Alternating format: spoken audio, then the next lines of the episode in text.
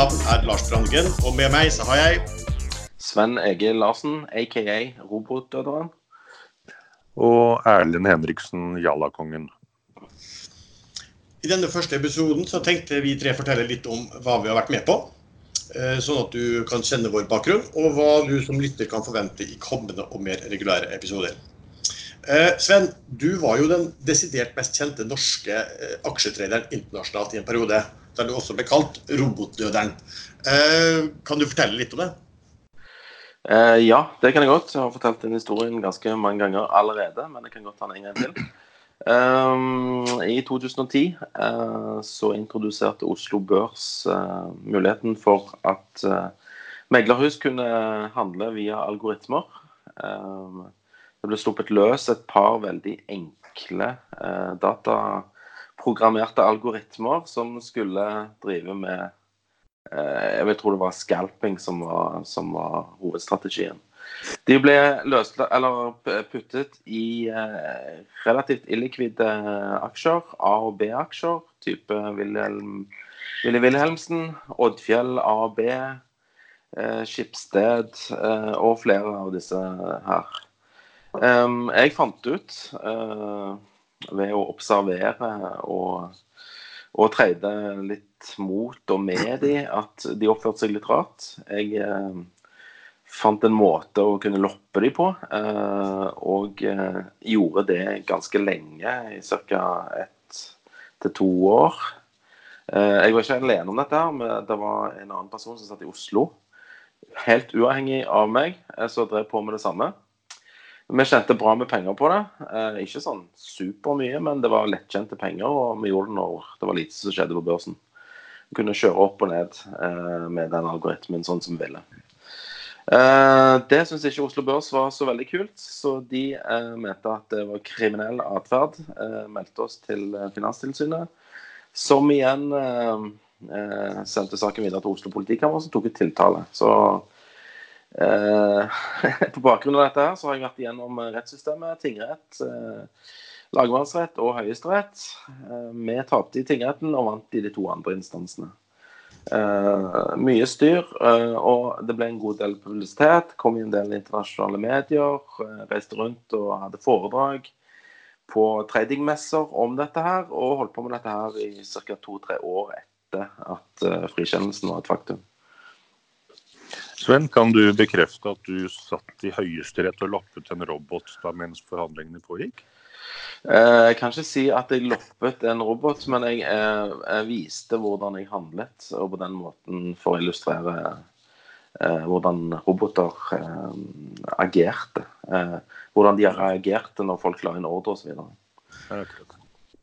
Men det som var litt fascinerende, Sven, var vel at de som da ble såkalt skadelidende, eh, selskapet eh, bak roboten, de hadde ingen interesse av å, eh, av å ta dette opp i, i, til domstol, eller hva? De hadde ingen interesse av å publisere hvordan algoritmene sine virket, og de var ikke interessert i å være en part i saken. Eh, Det som Oslo Børs da mente, det, og jeg leste masse um, bakgrunnsmateriale i etterkant, eh, at Oslo Børs prøvde å få en dom i saken for å kunne bruke den dommen mot algoritmene senere. For de mistenkte at de ville handle på, på samme måten. Så det var veldig viktig for Oslo Børs å få en dom mot oss for å kunne bruke den eh, som presedens videre.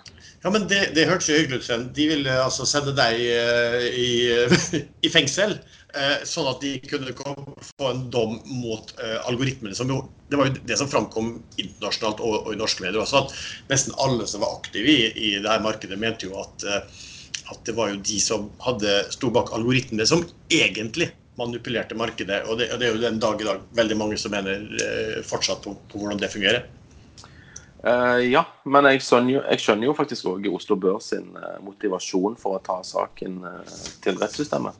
Det ville vært mye enklere for de å kunne ta algoritmer som ikke oppfører seg, med en rettskraftig dom i, i bakhånd, enn en sånn som det, det er nå. Men kunne de ikke begynt andre veien? da? Begynt med algoritmene?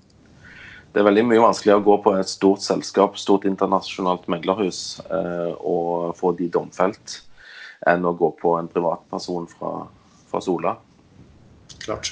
Du, Erlend, eh, mens eh, Sven holdt på, har holdt på å gå i buret for sin virksomhet, så har du, du har jo egentlig bidratt til i hvert få det man kan kanskje kalle som finansakrobater, kastet ut av et børsentørt selskap og, og, tatt kontroll over det sjøl. Hva var det som, som skjedde der? Ja, men Dette begynte faktisk også i 2010, hvor gamle IGE Resources uh, hentet inn rundt 90 millioner kroner hvert halvår og brukte det samme hvert halvår uten å komme videre. Uh, så jeg ble litt småirritert som aksjonær. Uh, begynte å samle fullmakter. Men før jeg begynte å samle fullmakter, hadde jeg solgt meg helt ut, bortsett fra én aksje. Og da var vel kursen i to øre, tror jeg. Så, så jeg klarte å samle over 30% av alle aksjene i selskapet kontrollerte de på generalforsamlingen, og fikk kastet styret. Og Så kastet vi ledelsen, og så ble dette parallelt anmeldt til Ekobrott i Sverige. Og etter det så har, eh, har da det gamle styret og ledelsen, eh, halvparten av styret og én i ledelsen, eh, gått, gått i fengsel. Eh, de stjal 50 millioner kroner fra selskapet, de kom aldri til rette. Gamle IGE de er nå AXA, Axactor. Eh, Spetalen tok over restene. Og det som var diamantporteføljen, det er jeg CEO for. Vi har alle aksjonærene fra den gangen, over 5000.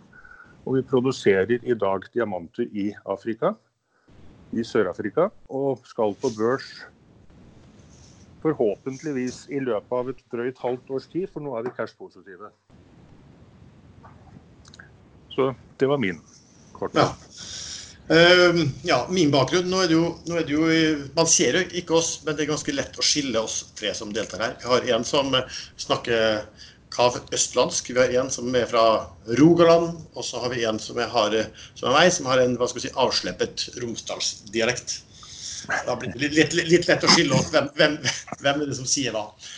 Min bakgrunn var jo at jeg, startet uh, i bank. Eh, og ville søkte jobb i et meglerhus. Eh, hadde egentlig ikke, og da var jeg 30 år, hadde egentlig ikke særlig peiling på aksjer og fulgte heller ikke spesielt med aksjemarkedet, men, men hadde ganske god forståelse fra hva skal si, regnskap og, og, og bedriftsvurdering. Eh, det selskapet da som jeg hadde søkt med sjefen her, han ringte meg på en, på en søndag. og da satt jeg hjemme og så tilfeldigvis på CNN. Eh, og da var det noen ting om Det hadde vel skjedd noen ting i markedet rett før helgen. Og den amerikanske tiåringen, altså tiårsstudenten, som hadde utviklet seg på den eller andre måten. Hadde jo ingen, egentlig ingen peiling om det. Men mens han ringte, så, så sto det der på skjermen. Så da han skulle teste om jeg kunne, kunne noen ting om markedet, så kunne jeg fortelle han ja da, det var jo det her med nedgangen på, på fredag og den amerikanske tiåringen. Og da sa han at ja, da må du komme inn på, komme inn på intervju i morgen. og på det intervjuet, eller omtrent da jeg kommet inn der, så, så, hadde han bestemt at jeg skulle mm, bli ansatt. Så det var måten jeg ble ansatt på som, eh, som analytiker i et, eh, i et meglerhus. Du Sven, du har jo også saksøkt selveste Øystein Ja, det har jeg faktisk gjort. Det I kjølvannet av, av denne robotsaken så syns jeg det var så kjekt å være i i eh, rettssystemet at jeg fant ut jeg skulle eh, saksøke Spetalen for å få eh, tvangsinnløst aksjene mine i Saga Tankers til en uh, rettferdig pris. Eh, og jeg tror han ble ganske sur eh, når jeg gjorde dette, for jeg hadde allerede kjørt en runde med tvangsinnløsning av noen aksjer, og de, de løste inn til 2,40 kroner som de, de skulle. men når jeg kom andre gangen, så ble de veldig sure og sa nei. De ville ikke løse inn i det hele tatt. Så da måtte jeg ta det til retten, eller ta spetalen til retten, i og med at det var han som eide over 90 av aksjene. Eh, krevde 2,40 kroner. Han ville gi meg 2 eh, kroner og 8 øre hvis jeg tok skjegget. Eh, og det ble litt sånn mye styr i media og tull og tøys og sånt. Eh, det endte opp med at eh, vi forlikte dagen før rettssaken skulle starte, på 2.30. Eh, og da ringte han meg og, og, og spurte om jeg ble rik nå, noe jeg da kunne avkrefte. Men, men, Så, du, men du, slapp å ta skjegget, da? Ja, du beholdt, du beholdt flippskjegget? Jeg beholdt skjegget. Ja, da. Nei, det var litt krydder i hverdagen. Det, det, var, det, var, bare en morsom ting. Og advokaten min var egentlig veldig fornøyd, for han fikk eh, tilkjent alle saksomkostningene som Spitalet måtte betale, så han var egentlig mer fornøyd enn meg og kjente mer på dette her enn det jeg gjorde. Altså, så, sånn, sånn, er det ofte med juridisk hjelp. Ja. Kan vi ta en uh, lite sidesprang til børsen nå, helt aktuelt? Jeg sitter akkurat og følger med på Polite, som i går var oppe i 50 kroner falt ned til 31,40 i dag, og nå er oppe i 42,21. Det er eh, et eksempel på ekstremt mange sånne type oppganger i de siste seks-syv ukene. Hvorfor det er sånn nå, det vet jeg ikke. Det har vært i Finn, det har vært i Element, det har vært i Polite, det har vært i Ceone spesielt. Den gikk jo fra 10 øre til over 70 øre på to uker. Så jeg sitter og skummer fløten her, og det er vel grunnen til at jeg blir kalt Jallekongen. For jeg har klart å treffe på fire av disse på rad. og har tjent over 500% på den egne Jalla-kontoen på seks uker. Og det skjer vel aldri igjen, tenker jeg, så jeg må nyte når jeg kan. Ja, det, det ikke uh, ofte det er sånne tider som nå på børsen, der folk ukritisk springer etter aksjer. Det, du vet at aksjer blir, det er den eneste varen i verden som blir mer attraktiv desto dyrere den blir. Det er helt sykt. Du ser på Polite, den eh, startet dagen med å gå ned 15% eller 20% Nå er den opp 40% siden bunnen på noen timer. Ja. Det er, hva, hvor er verdsettingen? Det henger jo ikke på greip. Jeg tror vel eh, hvor mange av de som kjøper Polite, som har noen som helst anelse altså, hva, det, det, Dette er jo et selskap nærmest i, i venture-stadiet fortsatt, som vel knapt nok har De har vel en, en intensjon om noe salg.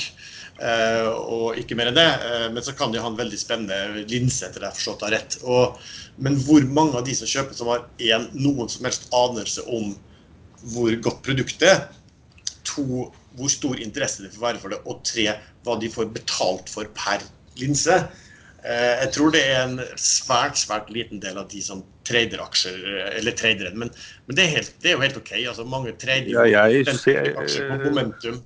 Jeg ser veldig lite på det når en sånn aksje går. Da ser jeg bare på momentum. Ja. Bryr meg egentlig ikke noe om hva aksjene er for noe. Ikke hva som er fair pris. ikke... Jeg ser på hva kursen har vært i før. Og disse aksjene som har gått nå, de har alle vært veldig mye høyere for ganske kort tid siden. Og da, da vil kursen gjerne opp igjen til gamle støttenivåer og motstander. Mm. Nå gikk akkurat Polite til Circle Blade fordi kjøpsbølgen ble så stor at børsen stoppet handelen for å roe det ned. Ja, ja. Vi, skal nok, vi, skal nok, få snakke, og det er vel en ting vi har tenkt videre også. å, snakke om eh, en del av de mindre, som ofte blir litt uh, oversett. Uh, så kan man, no, no, Noen er jalla, noen Eller det, vi kan jo definere jalla en annen gang. No, men noen er jalla, noen uh, har vært jalla, og noen har vært bra i selskap som har nærmest blitt litt typ sånne jalla-aksjer, eller, eller, aksjer som fluktuerer voldsomt uten noen spesielle nyheter. Ja, og det, og det, er litt kult for oss å kunne snakke om det. fordi at En analytiker vil jo ikke tørre å snakke om hvorfor en aksje faller 90 eh, eller hvorfor en aksje stiger 800 fordi at eh, de vil ikke drite seg ut. Mens vi, vi har jo ingen nedside. Vi, vi, har, vi, skal ikke selge noe. Vi kan jo bare snakke løst og fast om eh, hvorfor, og, hvorfor vi tror at ting skjer. Uh, sånn som Polite. Altså, noen tror det kommer en stor ordre. Uh, fordi har, det har selskapet sagt sjøl. Uh, og aksjen kom på børs på 50 kroner. Ergo så er den sikkert verdt 50 kroner. Tror noen. Ja, det er ikke sant. Ja, det er vanskelig å se. Men det er klart, det treffer sånne type selskap, så vet man jo aldri. Når den, den gikk på 50 kroner, og så gikk den ned til 7 for ikke mange ukene siden. Ja, jeg kjøpte 35 000 aksjer på 7 kroner. Jeg var veldig fornøyd med å kunne selge dem på 11. jo, jo, sånn, sånn, er det gjerne i den type aksjer som er vanskelig å vite. Altså, det, man, man, klarer liksom ikke å sette noen fundamental verdi på det. Men, det, men som sagt, det er litt sånn som du sier, Sven, at den type aksjer skal vi faktisk snakke en del om når vi har våre regulære sendinger. Fordi det er noen ting man ikke kan, kan, kan lese noe fornuftig om i, i, i media. Også fordi det, det er ingen som vil uttale seg, det er ingen analytikere som følger dem.